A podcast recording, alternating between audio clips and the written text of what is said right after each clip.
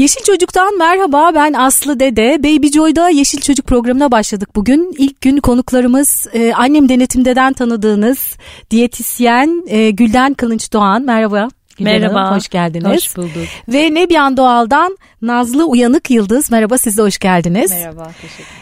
Ee, bundan sonra bu ilk programım önce hoş geldiniz uğurlu gelin ilk programda.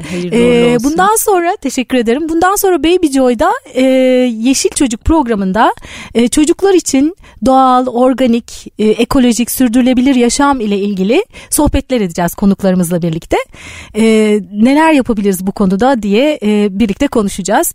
İlk önce Gülden'den başlamak istiyorum. Gülden diyorum artık biz sürekli böyle evet. birçok çalışmada beraber olduk. Annem denetimdeyi birçok kişi biliyor. Evet. Ama bir kez daha anlatalım istiyorum. Annem neden de denetimde? Ee, biraz ondan bize bahseder misin? Tabii ki. Ee, annem denetimde aslında e, 2012 senesinde çıktı. Ben 2010 senesinde oğlum Saruhan'ı dünyaya geldikten sonra sağlıklı beslenme arayışına girdim. Her annenin olduğu gibi. Tabii arada 8 yıl var. Şimdi çok daha ulaşılabilir. O dönemlerde çok fazla ulaşılır değildi sağlıklı ürünler. Hı hı. E, laboratuvar geçmişim var. 6 gıda laboratuvarında çalıştığım için e, firmalarla çok rahat görüşebiliyordum. Analizlerle konularla ilgili sorgulama yapabiliyordum. İşte analiz yaptırın diye anlatabiliyordum. Ee, onun vermiş olduğu avantajı kullanarak birçok firmayla görüşmelerim olmuştu. Hangi ürünlerden alacağımı çok rahat bulabiliyordum. Ee, ve annelere bunlarla ilgili de bilinçlendirmek istiyordum. Nasıl yapabilirim? Bunun bir adı olmalı. Ben zaten gıda denetçisiyim. Hani restoranlara, cateringlere, otellere denetim yapıyorum. Ne olabilir? Bunun adı annem denetimde olabilir. Zaten hepimiz normalde de denetim şeklindeyiz. Hep bir sorguluyoruz. Bizi de annelerimiz sorguluyor. Neredeydin? Ne yaptın? Hani hep böyle bir denetim halinde halindeyiz. Ee, annem denetimde aslında o zaman o şekilde çıktı. Bir doğaçlama isim olarak çıktı. Benle de çok bütünleşti gerçekten. Sonrasında tabii beslenme ve diyetetik okumamın, e, devam etmemin, beslenmeyi de işine sokmamın e, tamamen bütünsel şimdi, bir hal aldı. Evet şimdi gıda teknikerisin, ziraat teknikerisin aynı zamanda da işletme çok yakın bir zaman işletme fakültesi mezunu bir sürü e, evet. farklı e, şey ama en sonunda diyetisyen evet. e, diyetisyenim şu anda diyetisyen şu, şu anda. Evet. Senin şimdi bütünsel bilimsel bir analiz anlayışın var. E, bu benim için çok önemli. Aslında ben e, dinleyicilere şundan da söz etmek istiyorum. Seninle nasıl tanıştığımı anlatmam lazım. Güzel benim için. E, şimdi ben 2006 yılında Türkiye'de işte ilk organik ürün satan e, bir e-ticaret sitesinde iki arkadaşımla birlikte kurmuştum. O dönemde organik ser, organik ürünleri yeni tanıyoruz. Sertifikasyon nedir öğrenmeye çalışıyoruz. Organik tarım kanunu okuyoruz, yönetmelikleri okuyoruz. E, sonuçta bu ürünleri alıp satacağız. Bilgi sahibi olmamız gerekiyor. E, çevredeki tüketici olan e, kişiler de arkadaşlar da bize soruyorlar ya nedir bu organik? E, diyorlar ki ya sertifikasyon sistemi çok iyi tabii ki çok güzel ama hani e, biz bilsek ki e, böyle bir yerde bir onay mekanizması var güvensek e, bu bir Ayşe teyze olsa mesela ve hani sertifika olmasa bile ürünü organik sertifikalı olmasa bile e, bu analizlere güvensek ve keşke hani illa da sertifika e, tabii ki sertifika önemli ama e, böyle bir sohbetimiz oluyordu o dönemde sonra ben geçen sene Doğal Yaşam Festivali bu sene de olacak Mayıs ayında. Evet. Bilgi Üniversitesi Santral İstanbul kampüsünde. Ee, orada gittim tabii e, bir sürü tanıdık üretici var. Aa siz de mi buradasınız, siz de mi buradasınız? Ne vesileyle buradasınız? İşte annem denetimde Güllen Hanım var. İşte biz onunla birlikte çalışıyoruz. Onun önerisiyle buraya geldik falan deyince 1, 2, 3, 4 kim bu annem denetimde dedim. ya bu bizim Ayşe teyze mi acaba dedim. Evet. E, dolayısıyla senin bir bütünsel e, evet. e, e, Ve gerçekten analiz gelip o Ayşe teyze sen misin dedi bana. Evet yani sordum evet değil mi? Ee, bir bütünsel analiz anlayışın var senin. Evet. Bundan biraz bahseder misin? Tabii şimdi ben laboratuvar geçmişinden geldiğim için tebliğlere, yönetmeliklere, işte yapılması gereken analizlere bağlı olarak gidiyorum. Diyetisyen olsam da besin değerleri açısından benim için ürün çok önemli. Diyetisyen olmadan önce daha çok hani kimyasal durumu nasıl, mikrobiyolojik durumu nasıl ürünün? Hani bulaşma var mı, ağır metal, aflatoksin, pestisit gibi ya da mikrobiyolojik açıdan uygun mu diye bakardım. Diyetisyen olduktan sonra beslenme ile ilgili çok daha haşır neşir olduğum için bir de bunların besin değeri kısmı benim için çok önemli oldu. Şimdi ben tamamen doğal ve organik besleniyorum. Dışarıda olduğum süreler dışında evimde %90-95 kadar. Almış olduğum her ürüne hepimiz için geçerli. Gerçekten ciddi ücretler ödüyoruz. Örneğin yumurtayı bir buçuk lira para veriyoruz. Evet. Herkes için geçerli bu. Ya da işte e, peynire çok daha farklı ücretler ödüyoruz. Ben bu kadar iyi bir ürün aldığıma inanıyorsam bunu da analiz etmeliyim diyorum. Yani gerçekten bunda kimyasal bir sıkıntı olmayabilir, mikrobiyolojik açıdan uygun olabilir ama besin değeri açısından nasıl? Ben gerçekten vücudumu besliyor muyum bu ürünlerle? Ben bütün analiz bunları diyorum. Yani besin değeri açısından da yüksekse, kimyasal açıdan, toksisi açıdan uygunsa, mikrobiyolojik açıdan uygunsa ben bütün analiz buna diyorum. Yani hepsinde yaptırıyorum işte. Yumurtada olduğu gibi. Bunu ilk yumurtada başlattık.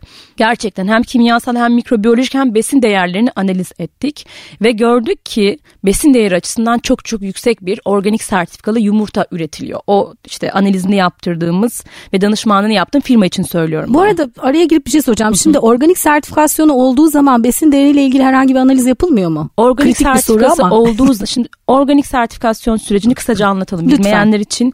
Organik tarım yönetmeliği var her yönetmelik olduğu gibi ve bu yönetmeliğe göre zaten tohumdan üreticinin paketlemesine kadar her aşama sertifikalandırılmalıdır der. Bu yüzden analiz yapılma zorunluluğu yok. Bırakın besin öğesini pestisit analizi yapılma zorunluluğu da yok. Zaten diyor bu ürün organik. Hı hı. Ee, böyle olunca e, tabii ki pestisit analizleri yapılmıyor mu? Yapılıyor sertifikasyon kuruluşları tarafından ama böyle bir zorunluluk yok. Sadece bunun altını çiziyorum. Pestisit analizi dışında ben ağır metal analizleri de baktırıyorum. İşte ürün kuru yemişse aflatoksin analizi de bakılıyor. Ya da işte et ürünüyse nitrat, nitrit, ağır metal mesela normalde yönetmeliğe göre bulaşanlarda sadece kurşun varsa ben kurşun dışında arsenik, civa, kadmiyum bunların hepsine baktırtıyorum. Organikte böyle bir şey yok. Ama organikte şu da var yani sen bu ülkenin yönetmeliklerine organik de olsan uymak zorundasın. Ama kontrol ettiren var mı? Soru işareti. Kaç kişi hmm. kontrol ettiriyor bütün yönetmeliklere göre kendini? Besin değeri kısmını bilen var mı? Kaç tane firma çalışıyor bir danışmanla? Soru işareti. Çok mutluyum ki gerçekten annem denetimdeyle herkesi bilinçlendirmeye başladıktan sonra benim o laboratuvardaki dönemlerime dönersek firmaları arayıp analiz sorardım. Bana derlerdi ki bizim organik sertifikamız var analize ihtiyacımız yok derlerdi. Şu anda organik ürün satan tedarikçiler de başta olmak üzere üreticiler analiz de yaptırıyorlar benim ürünüm daha değerliyi ön plana sokmak için. Niye? Çünkü öyle bir bilince sahip olduk artık. Herkese sorun diyorum. Yani almış olduğunuz yer bir tık daha önde olmalı. Onlar da bu talep geldiği için kendilerini kontrol ettirmeye başladılar ve bu bilinç oluştuğu için çok mutluyum. Peki şimdi hep akla gelen soru şimdi e, biraz sonra Nazlı Hanım'a da bunu soracağım zaten. E, süreç içerisinde sürekli bir kontrol yapılıyor mu? Yani arada bir kırılma olma ihtimali var mı? Analizler neye Çok göre yapılıyor? Çok hassas bir konu tabii ki. E, sertifikasyon için mi konuşuyoruz? Hem sertifikasyon için hem de sizin analiz yaptığınız zaman yani nasıl bir süreç e, izliyorsunuz analiz danışmanlığı yaptığınızda? Biz çalıştığımız yerlere göre değişiyor. Tabii ki bütçelerle alakalı bu. Biz de isteriz ki her partide yapalım bunu ama öyle bir bütçe kimsede yok zaten. Fabrika kendi laboratuvarını kuruyorsa o da zaten fabrika. Hani organik sürece girmiyor. Sertifikasyon kuruluşların e, senede bir e, kontrolleri oluyor zaten. Pazarlarda, organik pazarlarda Tarım Bakanlığı denetliyor. Buğday Derneği denetliyor ayrıyetten. Ama ben yaptığım iş olarak baktığımız zaman danışmanlıklarımda her grup değiştiği zaman yumurta için söylüyorum. Evet analiz ediyoruz. Her grup yumurta e, çıktığı zaman e, celfin yumurtaları özellikle. Mesela şu anda analizde. Onlarda kontrolünü sağlıyoruz. Firmaların kendi sistemleri var. Gıda mühendisleri var bazı çalıştığımız firmalarda. Senede bir komple 50 tane ürün analize gönderiyor. Bu biraz bütçesel. E, bütçesel olduğu için siz istediğiniz kadar bunda analiz yapılacak deyin. Bütçesi yoksa küçük üreticinin nasıl analiz yaptıracak? Yaptıramaz yani. Böyle bir gerçek var. Ben o yüzden tüketenlere diyorum ki gerçekten iyi bir üretim yaptığını düşünüyorsanız firmanın sizler toplaşıp zaten herkes çevresiyle alıyor. Ben de arkadaşımla bölüşüyorum. İşte 25 kiloluk mercimek alıyorsak arkadaşımla bölüşüyorum gibi. İşte iyi bulduğunuz firmaları siz kendiniz analize gönderin. Ben zaten bunlarla ilgili bilgilendirmeler yapıyorum sosyal medya hesaplarımdan, verdiğim eğitimlerden, seminerlerden. Hani siz sorun bana nereye analize göndeririz ben o konuda da yardımcı oluyorum ki anlatıyorum da eğitimlerden hani nerede, nereye, ne şekilde analiz yapılacağını. Türkiye'de çok fazla laboratuvar var zaten. Bakanlık, Tarım Bakanlığı da gönderebilir özel gıda laboratuvarlarını ama kimse elini taşın altına koymak istemiyor. Kimse cebinden para çıksın istemiyor. Herkes bir kişinin ağzından bir firma çıksın da ben onu alayım hazıra konayım derdi. Ay şimdi yani kaç anne bir araya gelse böyle bir analiz yaptırabilir. Yaptırmak istediği analize bağlı. Yani siz pest analizi yaptıracaksınız. Ortalama vereceğiniz rakamlar 250-300 TL. İki kişinin bütçesi eğer iyiyse çok rahat yaptırabilir. Çok hani bütçe iyi değilse beş kişi de yaptırabilir. On kişi de hani aynı ürünü kaç kişi kullanıyorsa çevreniz. Biz mesela üç kişi toplaşıp süt alıyoruz. Biz üçümüz mesela analiz yaptıracağız gibi. Hı. Ne Ama ne analizi yaptıracağımızı nereden bileceğiz? İşte sorabilirler laboratuvara. Bunu yönetmeliğe uygun mu diye. İşte bulaşanlar tebliğ. Bana da yazabilirler. Bana her şeyi yazıyorlar. Akıllarına ne gelirse yazıyorlar. Hani keşke bunları yazsalar ben de cevap versem. Peki şimdi şeyi biliyorum. E, sen e, anaokullarına e, menü danışmanlığı evet, yapıyorsun. Evet sağlıklı menü danışmanlığı e, zaten sen kendi mutfağını da bildiğin analizini yaptığın evet. yerlerden mutfağına Aynen alışveriş öyle. yapıyorsun. İşte çevrendeki kişilere de buna göre yönlendirme yapıyorsun ya da e, danışmanlık verdiğin, evet. beslenme danışmanlığı verdiğin kişilere. Ama bunun dışında anneler e, hiç bilmiyorlar diyelim. E, na, na, nasıl ürün alırken nelere dikkat etsinler? Ürün alırken nelere dikkat etsinler? Eğer bulundukları şehirde organik pazar kuruluyorsa artık birçok noktada var. Organik pazarlara gidip alışveriş yapabilirler. Her yerde yok tabii ki. Ne yapabilirler? Küçük üreticileri bulabilirler. Sonuçta yerel üreticiler de var gerçekten. Ama yerlerini gidip görsünler, konuşsunlar, sorsunlar. Hiçbiri de yoksa yani internetten alışveriş yapabilirler. Çünkü artık e-ticaret siteleri var biliyorsunuz. Hı. Kargo ile gönderim yapıyorlar. Ama nasıl güvenecekler? Nereden bilecekler? İşte o yine analiz kısmına geliyor. Hı hı. Yani bir, birine güvenmek zorundasınız. Öteki türlü takıntıya girer çünkü bu sağlıklı yaşam, sağlıklı beslenme. Takıntıya girmemiz çok çok önemli. Hastalık boyutuna Orta eksiği olmasınlar o yüzden. hani gerçekten güven önemli. Ee, o kişiye analiz yaptırdığını da söylesin. Kontrol edildiğini bilsin o üretici. Ben her zaman söylerim. Mesela haberi yokken analiz yaptırırım. Derim ki işte analiz yaptırdım üründe haberin olsun. Teşekkür ederim. Temiz çıktı analiz sonuçlarını derim. Bilir ki ben onu habersiz kontrol ediyorum. Çünkü ne zaman nereden ürünü alacağımı bilmiyor. Ben evime gelen ürünü kontrol etmiyorum. Ben piyasaya satsın diye vermiş olduğu ürünü kontrol ediyorum. Kendi kullandığım ürünler için söylüyorum bunu. Yani eğer danışmanlığını yapmıyorsam, ürünü kontrol etmek istiyorsam, tükettiğim ürün iyi mi diye ben böyle yapıyorum. O zaman korkuyorlar zaten. Korksunlar da. Ha zaten iyi üreticiyse korkmasına gerek yok. Hı hı. Hani eğer Gerekli bir şeylik varsa diye korksun diye söylüyorum. Hani Peki o zaman hemen diye. şimdi biraz Nazlı Hanım'a da geçmek istiyorum. Ee, nasıl tanıştınız? Ee, sen e, Nazlı Hanımlara bildiğim kadarıyla analiz danışmanlığı yapıyorsun. Evet. Ee, yoğun olarak et ve et ürünleri var bildiğim kadarıyla. Ee, ağırlıklı olarak Doğru. bilmiyorum farklı evet, ürünler de var. ee, size sorayım nasıl buluştunuz? Ee, şöyle çok enteresan aslında Gülden'le ilk kez kardeşim İbrahim evet. yani benim ortağım Nebyan Doğal'ın kurucu ortağı İbrahim tanıştı. Ee, işte biz hani böyle bir işe başladık böyle bir iş yapıyoruz. İlk 2014 hatta belki de 2013 yılında bile olabilir yani ilk Olacak, gerçek anlamda başlamadan öyle. önce. İşte nasıl yapalım sen de gıda denetçisiymişsin bize biraz anlatsana bu işler nasıl oluyor Daha diye. yeni başlarken siz tabii, tanıştınız ne güzel evet. en başında. Sonra Gülden de tabii çok heyecanlandı diye tahmin ediyorum. Evet çünkü böyle benim, bir iş yaptığımız e, için. Gerçekten en önemli ağımdı et ürünleri yok. Güvenebileceğiniz hiç kimse yok çünkü. En zoru o değil mi? En zoru o. Yani o en çok kullandığımız, en sıkıntılı olan kısmı kapatacaklarını hmm. duyduğum anda çok mutlu olmuştum ben. Bir de onun lojistiği falan tabii, e, tabii onları ayrıca konuşuruz merak ediyorum. Ya zor hakikaten. Zor. Yani e bir kere siz, bu işi neyse. aşkla yapmak gerekiyor her şeyde. Çünkü zorluğu çok fazla. Evet. Onlarda o var. Aşkla yapıyorlar işte.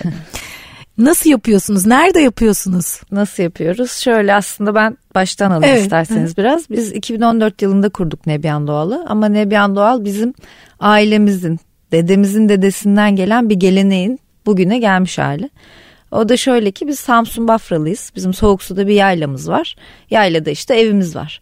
Ama bu dört jenerasyon öncesine kadar bizim kendi yerimiz dediğimiz bir yer ve burada hayvanlar olur. İşte köylü getirir, yazın yaylaya çıkar, aylarca orada kalır, hayvancılık yapılır. Böyle bir kültür. Fakat biz kardeşimle bunun yıllar içinde nasıl azaldığını, işte artık nasıl geleneksel hayvancılığın yapılmadığını, köylerin nasıl boşaldığını, bu insanların nasıl kentlere göç ettiğini ve o etin, o hayvandan elde edilen ürünlerin nasıl azaldığını bizzat tanık olduk. Hı hı. Ee, ben İstanbul'da yaşayan çalışan bir anneyim. İki tane çocuğum var. İşte hem Gülden'le tanıştıktan sonra hem de yani bütün bu işte genelde herkes gibi hamilelik süreciyle birlikte biraz daha bilinçlenip. İşte bu çocuklara nasıl iyi gıdayı bulmak isterken ne kadar zorlanıldığını fark ettim. Ve biz hep ailemizin bir hayal vardı. Hani bu köylerin boşalmasını bizim kendi insanımızın hayvancılığı bırakmasına biz bir dur demeliyiz. Bizim yapabileceğimiz bir şeyler olmalı derken büyük şehirlerde de insanların aynı zamanda nasıl zorluk çektiğini görüp biz bunu aracı olabilir miyiz? Acaba bu işi yapabilir miyiz? Hakkını verebilir miyiz diye bir deneme yapmak istedik 2014 yılında. Ve ilk kez kardeşim işte bir bir posta bir 15 kuzu geldi. Bir yerde onu böyle böldürdük kocaman kendi tanıdıklarımızın evlerine İbrahim kendisi götürdü buyurun bir deneyin bakalım diye. Çünkü et bize çok lezzetli geliyor. Bizim için dünyanın en lezzetlisi. Şimdi burada hemen araya gireceğim.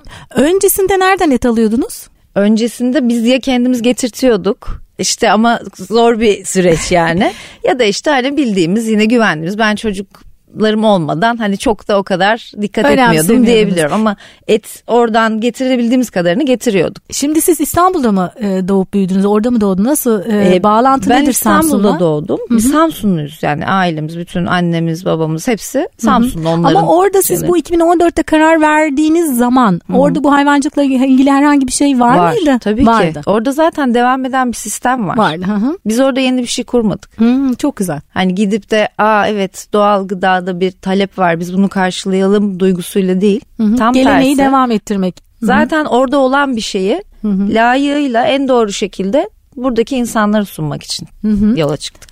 Sonra Sonra işte bu denemeleri yaptık yani insanlara da lezzeti güzel geldi. Sonuçta hayvanın biz suyunu yem yemeden işte nasıl büyüdüğünü, hangi otu yediğini, hep dışarıda olduğunu, yayılımda olduğunu biz bunları biliyoruz. Ama bu bir gıda ürünü ve insanlar en, eninde sonunda lezzetine bakarak karar verecek. Lezzet testlerinden geçtikten sonra da yavaş yavaş işte eşe dosta o tavsiye üzerine böyle bir büyüttük. Fakat şunu gördük e, et işinde özellikle Hani bunu alıp bir yerde fason ürettirerek işte bir şekilde paketlettirerek bunu sürdürülebilir bir sisteme güvenilir bir sisteme dönüştüremezsiniz. O yüzden de biz kendi üretim tesisimizi kurduk 2015 yılında ve işte online satışa geçtik. İstedik ki yani insanlar esnek bir şekilde siparişini versin evlerine götürebilir. Çünkü ilk başladığımızda ya bir tam kuzu size getiriyorduk 15 kiloluk ya işte yarım kuzu böyle parçalayıp bölüp getiriyorduk. E, o zaman tabii çok daha fazla çeşit ve esneklik sağladı bu bize. E, lojistiğini de biz kendimiz yapıyoruz. Soğuk zincir bu işin olmazsa olmazı. İşte evet o çok zor e, bir kızım. Önce şundan dolayı tebrik etmek istiyorum. Çünkü ben 2006 yılında ilk bu organik ürünleri merak ettiğim zaman işte sonra e, bununla ilgili bir şeyler yapmaya başladım. Hep çevremden şu soru geliyordu. Ya işte bizim memlekette işte şöyle bir arazi var. İşte biz de orada yapmak istiyoruz organik tarım işte nasıl evet. olur diye. Şimdi bu dışarıdan görün, görüldüğü kadar kolay e, bir e, şey değil. Asla. Hakikaten çok Asla. zor. Ben biliyorum çünkü çiftçilik yapan arkadaşlarımı e, hepsi farklı eğitimler almışlar yapmışlar. Biraz topraktan kopmuşlar aslında. İşte akademik kariyer yapmışlar. Sonra tekrar geri dönmek istemişler. Çok büyük emek var inat var, e, inanç var. Evet. E, ben e, Gürsel Hanım var. Türkiye'nin ilk organik üretim yapan Gürsel Tombul Kuşadası'nda e, çiftliği var belki bilirsiniz. Onunla daha önce bir sohbetimiz olmuştu, bir röportajımız olmuştu. Üç sözcük söylemişti. İnanç, inat ve bilgi diye. Yani evet. sürekli öğrenmek ve kendinizi geliştirmeniz gerekiyor. İnan, inanmanız gerekiyor ve inatçı olmanız gerekiyor evet. diye. Siz inat etmişsiniz ve e, bugüne gelmişsiniz. Şimdi Nazlı Hanım e, siz e, Samsun'da hayvancılık yapmaya 2014 yılında karar verdiniz. Zaten e, bir gelenek vardı e, büyüklerden gelen ve e, o e, geleneğe devam etmek istediniz. Önce bir kuzuyla kaç kuzu 25 kuzuyla Yok, mı? Yok 15 kuzuyla. 15 kuzuyla başladınız. Ama yani orada hani dediğiniz gibi bu zaten geçen nesillerdir orada yapılan o toprakların çok iyi bildiği o işte sizin az önce saydığınız bilginin zaten yüzyıllardır var olduğu bir sistem. Evet. Hı-hı. Biz sadece buna bir aracılık etmeye karar işte verdik. İşte o bilgi yok olmasın inşallah hep devam etsin istiyoruz. Evet. Ee, peki e, nedir koşulları? Yani işte e, hayvanlar nasıl yaşıyorlar, nasıl besleniyorlar, nasıl çoğalıyorlar? Tabii bu zaten e, bizim sistemimizin bütün özelliği şuna dayanıyor. Bu hayvanlar kapalı besi hayvanı değil. Yani nedir? Senenin 12 ayı bunlar yayılımdadır. Havalar ısındığında yaylaya çıkar iklim izin verdiği ölçüde 6 ay 8 ay ne kadar olursa yaylada durur. Oranın otuyla beslenir. Hı hı. Oranın oksijenini solur suyundan içer. Daha sonra gelir meraya iner. Karadeniz'in de meraların özelliği şudur. Ovada olduğu için yaz kış yeşillik vardır. Yani kışında bu hayvanları siz içeri tıkıp öyle bir dünya yok orada. Evet. Bu hayvanlar kışında yazında aynı şekilde doğadan beslenmeye, kendi döngüsünde büyümeye devam eder. Büyümesi için ekstra bir hormon verilmez. İşte fabrikasyon yem asla verilmez. Böyle bir sistem içinde büyüyen hayvanlar. E, bunun sonucunda da tabii ne oluyor? Biz işte Gülden'le tanıştıktan sonra bize dedi ki analiz diye bir şey var. Biz hmm. hani bilmiyoruz evet doğal Siz doğru. diyorsunuz ki zaten bizimki doğal organik. Hani evet. Hani bu çok önemli bir şey. Evet. Çünkü yani o çiftlikte yetişiyor olması ya da köyde yetişiyor olması doğal organik olduğu anlamına gelmiyor. Maalesef. Hı hı. E, o da dedi ki yani bunu kanıtlamak için senin bir sürü analiz testleri var. Bunları yaptırman lazım. Eyvah demediniz mi? Eyvah dedik bu ne diyor yani neden bahsediyor? Peki yapalım işte başladık. Sonra Gülden'le sonuçları gösterince sanırım onun da epey hoşuna yani gitti. Yani çevresel bir toksite var her şeyden önce. Soluduğumuz hava, tenimizde değen su, içtiğimiz suyun dışında da her şeyden alıyoruz. Ne yapacağız? İşte bunun sonu yok ama en azından gerçekten hani hayvanlara içtikleri sudan işte otladıkları yerden herhangi bir şey geçiyor mu etlerine buna da bakmak gerekiyor. Bu süt için de geçerli, peynir için de geçerli, yediğimiz her şey için geçerli, sebze için de geçerli. Zaten yönetmekler de bunun üzerine. Bulaşanlar dediğimiz o kısmı kapsıyor. Gerçekten çok çok güzel çıktı. En son radyasyona kadar bakıldı. Evet. Yani gerçekten Siz çok ayrıntılı 25 bakıldı. E, koyunu aldıktan sonra mı e, yani profesyonel olarak yani başkalarına satma e, aşamasına nasıl geldiniz? Ya işte zaten önce kendi çevremize bir getirdik kapılarını bakın bakalım beğenecek misiniz diye. Hı hı. Onlar dediler ki çok güzel sen bize bunu getir yine. Hı hı. Böylece düzenli olarak işte onlar kendi eşine dostuna böyle yayılan kendiliğinden yayılan bir süreç oluştu. Süreç Analiz oluştu. o nasıl bir analizden geçti işte o dönemde? o dönemde Gülden'le tanıştık. Hı-hı. Onun aşama söylediği... aşama yani büyüdükçe de o küçükten başlayıp Hı-hı. büyüdükçe de bu süreye kadar gelen her şeyi analiz ettirdik. Kemik suları yaptılar. Kemik evet. kemik suları satmamalarına rağmen hani kemiklerindeki herhangi bir ağır metal tehlikesi var mı diye ona kadar analiz ettirdiler. Sitelerine girip bakabilirler zaten. GDO analizi yaptırdılar yem vermemelerine rağmen hani bunlar gerçekten e, siz istediğiniz kadar anlatın firma yetkililerinin bakış açısıyla alakalıdır. Biz istediğimiz kadar danışmanlık verelim işte bunda bu bakılacak değilim. İçselleştiriyorsa üretici onu gerçekten sizle aynı yolda yürüyor. Peki bir şey soracağım. Siz e, bu işe girdiğinizde daha önceki o ara süreçte o zincirin bozulma gibi bir durum çünkü ben e, Yo, daha önce yine soğuk araçla getiriyorduk zaten hani A, asla aracın dışında şey yani ilaç verme ya da farklı Kontrol. yem kullanma e, çünkü ben daha önce konuştuğum üreticilerde şöyle bir şey yaşıyorum. Hani bizler yaşlardakiler genelde tekrardan bunu yapalım deyip tekrar dönüyorlar ama bir önceki kuşakta işte ya yemde ya e, ilaçta e, bir bozulma olmuş oluyor. Onu tekrardan temizleyebilmek için de bir süre gerekiyor. Sizde böyle bir şey olmuş muydu? Yani siz hani hangi bölge için konuşuyorsunuz bilmiyorum ama bizim oradaki Karadeniz'de zaten yaylaya çıkan bu yetiştirici öyle Aha. suyunu yemiş ilaç vereyim hayvanıma büyüteyim hiç Asla. öyle bir şey olmamış. Bu zaten yani. onların bildiği bir bilgi. Bunu biz şehirli Aha. insanlar biz üretmiyoruz. Aha. Bu insanlar bunu zaten böyle üretiyordu. Aha. Ben endüstri mühendisiyim. Hı-hı. Ama tamamen endüstriyel olmayan gıdanın yaygınlaşması için çalışıyorum. Aha. Çünkü biliyoruz ki doğru olanı bu. Hı-hı. Yani bu dediğim gibi bu bilgiyi biz sunmuyoruz onlara. Hı-hı. Zaten onlarda olan bilgiyi alıp Hı-hı. bir şekilde bunun sürdürülebilir bir iş modeli haline gelmesi gerekiyor ki onlar da devam etsin. Hı-hı. Bizim zaten en büyük özelliğimiz üretici birliğimiz. En çok gurur duyduğumuz şey bu. Heh, ondan biraz bahseder misiniz? Tabii. Ben web sitemizde gördüm. O kadar insan iyi hissediyor ki onları görünce. Tabii. Yani biz sadece kendimiz bir işte büyük bir çiftlik kuralım, kendimiz hayvan alalım, yapalım misyonuyla başlamadık bu işe. Yetişmezdi de zaten herhalde değil mi? Zor olurdu ya da. Ya işte yetiştiriyorlar hani var ne, ne rakamlarda neler çıkıyor ama o değil. Bizim istediğimiz oranın üreticisiyle beraber bu insanların bu işi yapmaya devam etmesi. Hı hı. Dolayısıyla onlarla birlikte bir üretici birliği oluşturduk. Bizim üretici birliğimiz, üreticilerimiz de bir sözleşme üzerine dayanır. Hı. Orada hayvan, kaç hayvan senden ben ne zaman alacağım, hangi şartlarda alacağım, sen bu hayvanı nerede yaylaya götüreceksin? Nasıl besleyeceksin? Nerede kalacak? Nedir?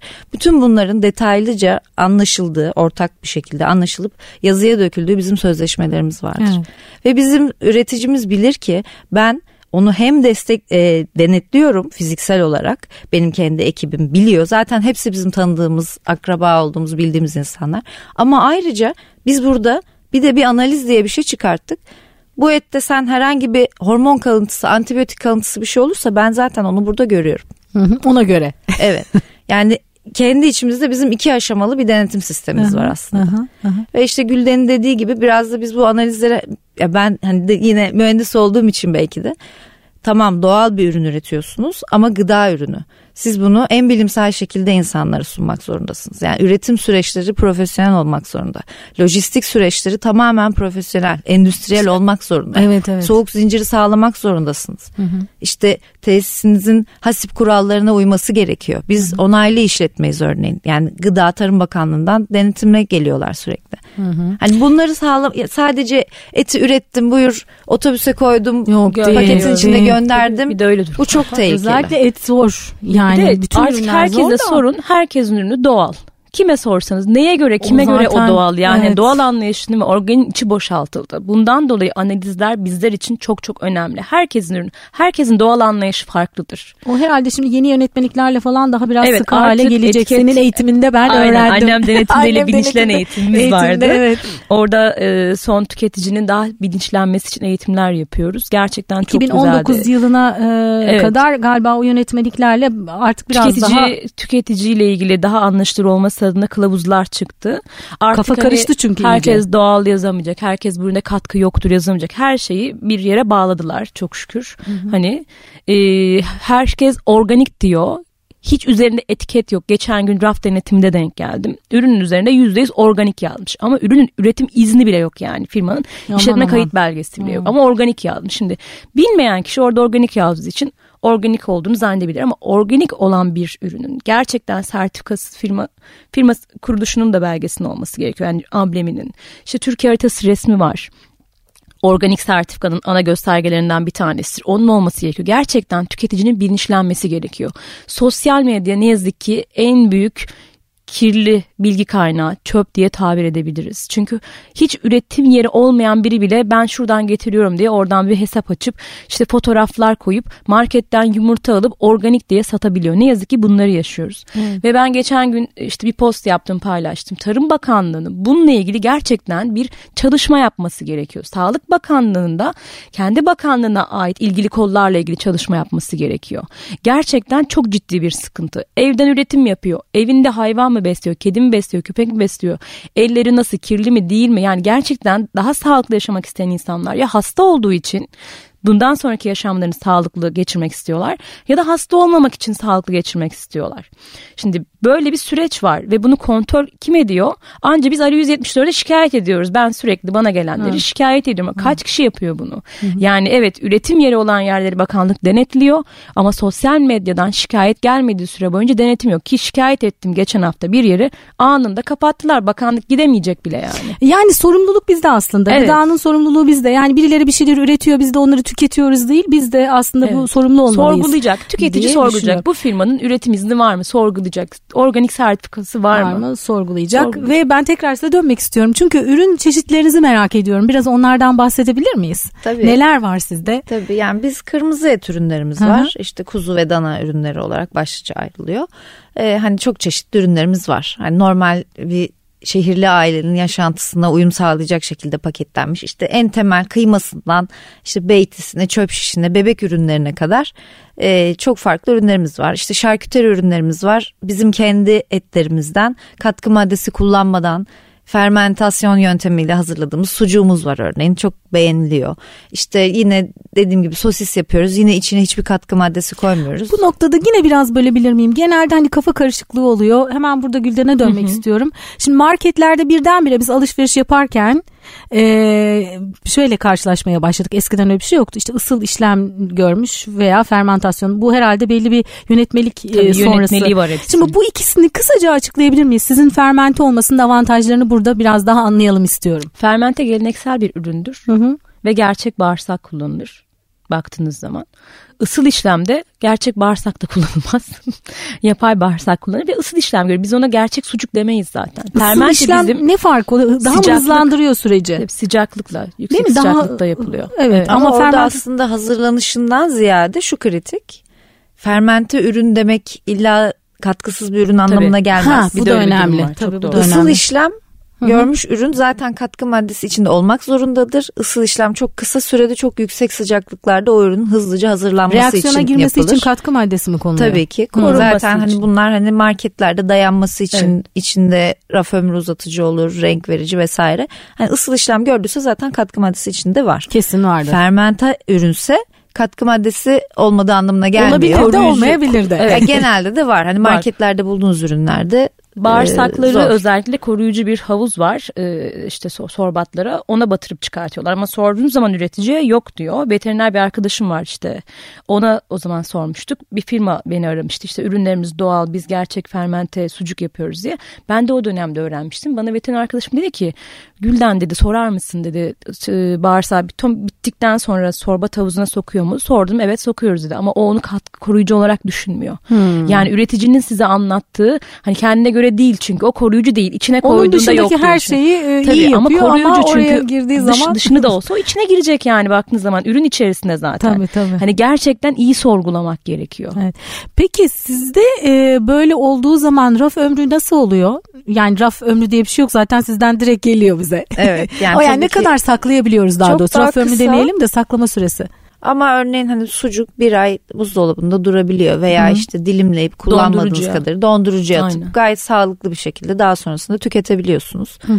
Ee, mesela başka ürünlerimiz var. Biz işte paça çorbası çıkarttık. Ha, hani onu yeni evet ki, gördüm. Ha? Evet yani bu kadar kıymetli zor elde edilmiş bir ürünün hayvanın istiyoruz ki her yere kullanılsın. Tabii. Bizim bir sıfır ziyan anlayışımız var. Hep üstünde durduğumuz.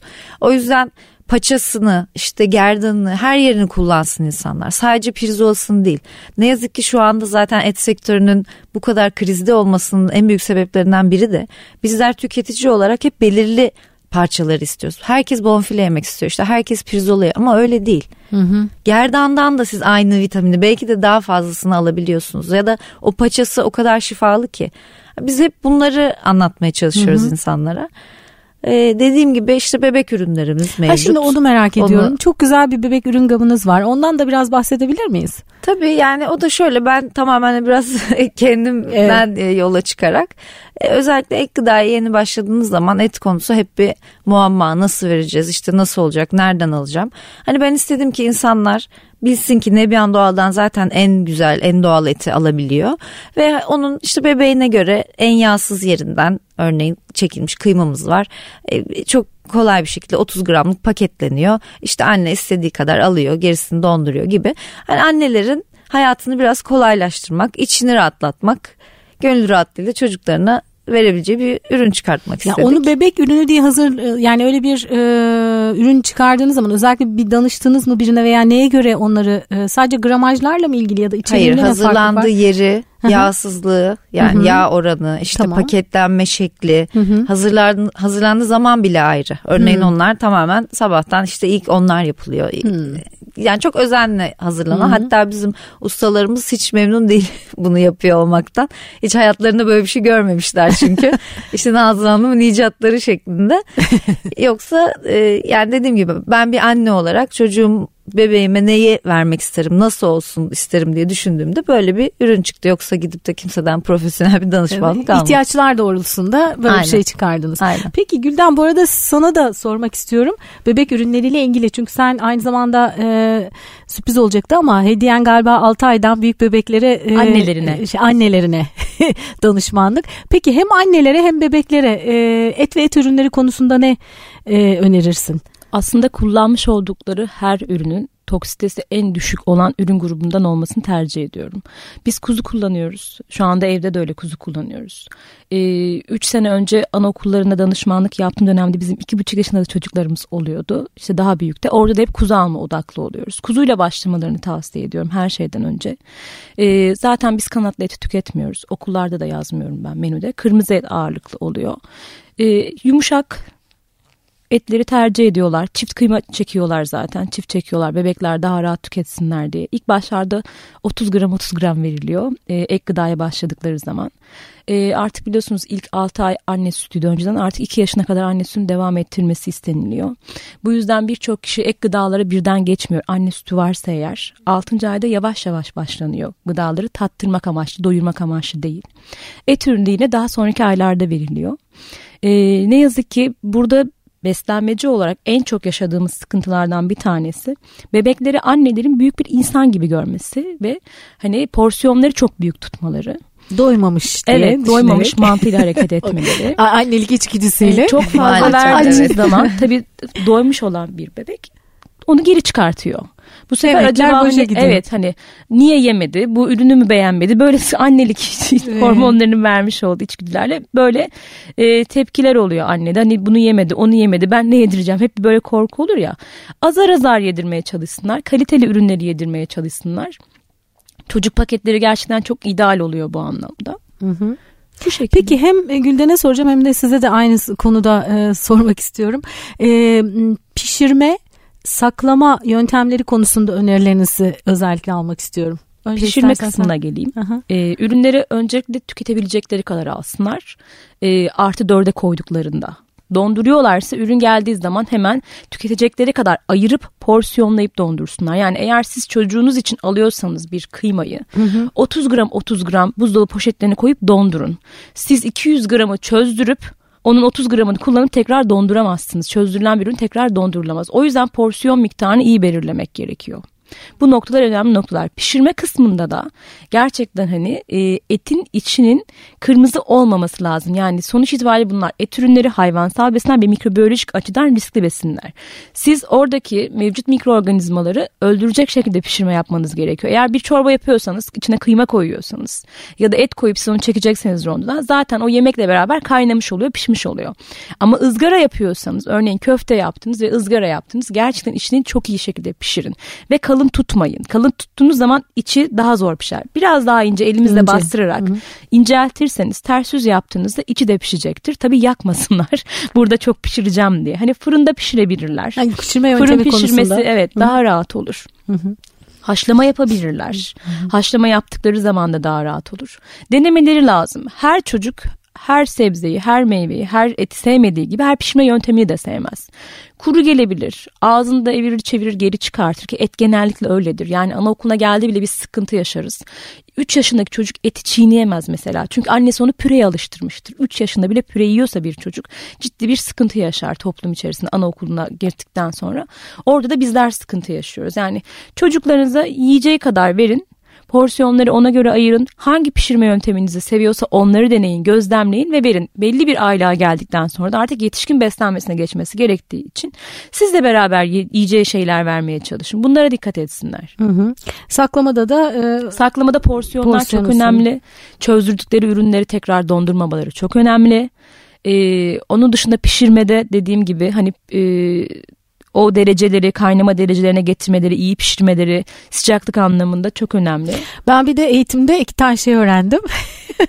Birincisi ben hani direkt dışarı çıkarıyordum çözülmesi Dışarıda için. Dışarıda çözdürmeyeceğim. Evet, onu artı bilmiyordum. Bir gün önceden çıkartacaklar. Hı-hı. En alt rafa koysunlar ki suyu zaten altına mutlaka bir tabak ya da tepsinin içerisine koysunlar. Hı-hı. Onu çözdürme suyu da olacak çünkü. Bir de farklı birbirine bulaşmasın. Bulaşmasın diye. Tabii. Bir de şeyi öğrendim. Ee, ılıtıp hani vermeyeceğiz. İyicene kaynatacağız sonra ılıtacağız. Hani ben biraz ılınınca tamam bu ısındı diye düşünüyorum. Değil mi? Öyle bir şey de söylendi. Mikrobiyolojik açıdan e, o, o eğitimde anlatan oydu. Mikrobiyolojik açıdan mikroorganizmaların belli bir ısıdan sonra öldüğü için ılıdığı zaman dolaptan çıkardınız. Önce bir iyicene ısıtın. Sonra evet, ılık mikrobiyo, verecekseniz ılınmasını bekleyin. E, sona ermesi için eğitimde öyle bir bölüm vardı onu hatırlıyorsunuz. Evet evet çok dolu dolu yoğun bir eğitimde. Iyiymiş, evet, çok yoğundu.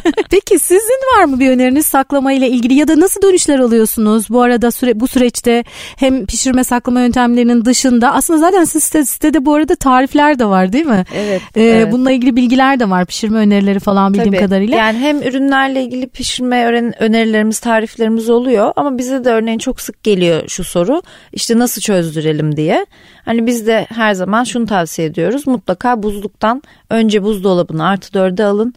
Dışarıda kesinlikle çözdürmeyin. Hani bir gün önceden karar verip aslında ertesi gün ne yapacağız diye akşamdan çıkartmak gerekiyor. Hani ben bunu ekleyebilirim. Onun dışında da biz zaten kendi ürünlerimizin üstünde etiketinde artı dörtte kaç gün dayanır, işte eksi on sekizde kaç gün dayanır bunların hepsini yazıyoruz. Hı hı. Peki bu süreç içerisinde başladığınızdan beri e, nasıl dönüşler aldınız annelerden e, özellikle? Yani tabii güzel dönüşler alıyoruz. E, hem tabii ki büyüyor kitlemiz. Ama en güzeli de insanların bize güvenip çocuklarına bizim etlerimizi gönül rahatlığıyla yediriyor olması ve bunu dile getirdiklerinde de çok mutlu oluyoruz. İşte alerjik annelerimiz var bebekleri alerjik olan. Ne yazık ki daha iki yaşında ama dana etine alerjisi var örneğin. İşte artık annesinden gelen bir şeyi taşıyor. hmm. Aynen o floralardan. Ee, biz onlara özel ürünler yapıyoruz mesela. Kesinlikle dana etine hiçbir şekilde temas etmiyor. Ayrı bir üretim hattında üretiliyor vesaire. Hmm, çok önemli. İşte bu insanların dönüşleri veya işte annem yıllardır sucuk yememişti e, çocukluğumun sucuk, sucuğunu yedim diyen insanlar hı hı. gibi yani bu aslında çok güzel manevi tarafı da çok e, dolu dolu olan bir iş haline Oldukça geldi. zor bir iş yapıyorsunuz.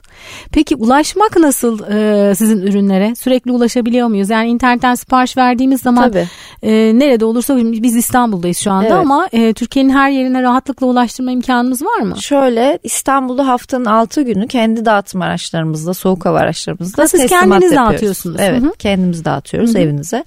Ankara'ya gidiyoruz, İzmir'e gidiyoruz. İşte Bursa'ya başladık. Bunlar ayda bir. Ankara belki biraz daha artabilir. Diğer illere de e, şarküteri ürünlerimizi gönderebiliyoruz. Ama kırmızı et ürünlerimiz sadece bu saydığım ürünler hmm. e, şehirlerle kısıtlı. Hı hı. Ayda bir o zaman. Ee, Ankara, şey, İzmir, Ankara, Bursa İzmir ayda, ayda bir. bir. İstanbul haftanın altı günü. Altı günü. İstanbul daha kolay tabii lojistik açısından. Evet. Ee, onun dışında internet sitesinin dışında ulaşılabilecek başka yerler şu anda e, var mı? Yani noktaları? var e, çalıştığımız organik marketler var. İşte onlara gidip sipariş verebiliyorlar. Hı hı. E, yani yaygınlaştıracağız zaten. Örneğin iki ay önce yani yeni çıktık kanyondaydık. Orada bir ufak bir dükkanımız vardı. Hı hı. E, geçici bir pop-up bir dükkan açtık. Hani bu tip planlarımız var yakın Hı. zamanda. Peki, bu arada bizim üretim tesisimiz İstanbul'da. Ha, o yüzden mi? İstanbul'da haftanın altı günü ha, Nasıl oluyor? Yapıyoruz. O süreci bir... Tabii. Hı-hı. Etler Samsun'dan işte Ordu'dan nereden geliyorsa hı hı. soğuk araçla kendi İstanbul'daki tesisimize geliyor. Ve orada sipariş üzerine aldığımız yani siparişe göre işliyoruz. Hı hı evinize getiriyoruz. Yani Samsun'dan işleyip Zaten mantıklı olan da o evet. aslında. Yani canlı geliyorlar herhalde buraya. Hayır karkas. Kesim orada mı yapılıyor? Karkas. Kesim orada yapılıyor. Karkas halde Hmm. İstanbul'da tesise geliyor. Üretim hmm. tesisinde de işlenip siparişinize göre taze olarak dondurulmadan taze işlenip artı 4 dereceyle evinize geliyor.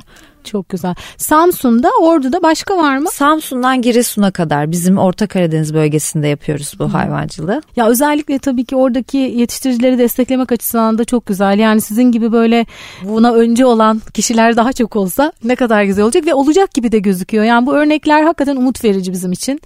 Ee, yeni her gün yeni yeni güzel örnekler görüyoruz. Ee, peki e, farklı bir şeyler yapma e, hedefiniz var mı şu anda? Ee, yani işimizi tabii biraz daha büyütmeyi şöyle şu anlamda düşünüyoruz. Hani yeriniz var mı artık çok soruluyor bize. Ha. Herhangi bir yerde var mısınız yoksa sadece online mısınız? Hani artık daha merkezi yerlerde daha görünür olmak istiyoruz. Hı hı. Ee, ama hani o, o işi de yapalım bu işi de yapalım değil. Kendi mevcut kurduğumuz sistemi en iyi şekilde getirmek için çalışıyoruz. Peki. Çok teşekkür ediyorum. Ben teşekkür ee, ederim. Yani özellikle e, inançla ve inatla devam ettiğiniz için bu çok önemli. Yılmadan ve çok cesurca bir şey aynı zamanda bu. Ee, aslında eskiyi devam ettirmek gibi bir şey ama yeni bir şey. Yani o yüzden çok teşekkür ediyorum ve tebrik ediyorum. Ee, geldiğiniz için de çok sağ olun. Ee, hediyeniz için de çok sağ olun. ben Efendim, teşekkür ederim. Siz de e, Gülden Hanım var mı son olarak söylemek istediğiniz bir şey? Ee, siz de tüketicilere bu e, radyoda destek olduğunuz için, bizleri ağırladığınız için ben çok teşekkür ediyorum. Efendim çok sağ olun. Verdiğiniz emeklerden dolayı. Biz biliyoruz ki bugüne kadar neler yaptığınızı gerçekten çok önemli. Biz hepimiz zincirin bir halkasıyız aslında. Ee, o zincirin halkaları birleştiği zaman bütünü oluşturuyoruz. Hep bütünsel, her şeyde bütünsel baktığınızda. Evet. Bilinçlenmek çok önemli. Ee, işte geçmiş 10 seneye baktığımız zaman şu anda daha bilinçli olmamızın sebebi daha çok yaygınlaşılması. Daha da iyi olacak. Bizler talep ettikçe üretici üretecek. Üretici arttıkça fiyatlar düşecek. Bu hep böyledir. E, bu yüzden bilinçlenmemiz çok önemli. Bilinçlenmeye destek olduğunuz için çok teşekkür ediyorum size. Yani çok teşekkürler. Bugün Yeşil Çocuğun Baby Joy'da ilk günüydü. Evet. E, benimle olduğunuz için ikinize de çok teşekkür çok ediyorum. E, sayın dinleyiciler e, Yeşil Çocuk programını dinleyen Baby Joy'da e, dinleyicilerimize Gülden Hanım'dan ve Nazlı Hanım'dan minik bir hediye olacak. Bunu sosyal medyada paylaşacağız. E, minik birer hediye verecekler. Bir başka Yeşil Çocuk programında Baby Joy'da yeniden görüşmek üzere. Hoşçakalın diyorum. Ben Aslı Dede. Hepinize yeşil kalın diyorum.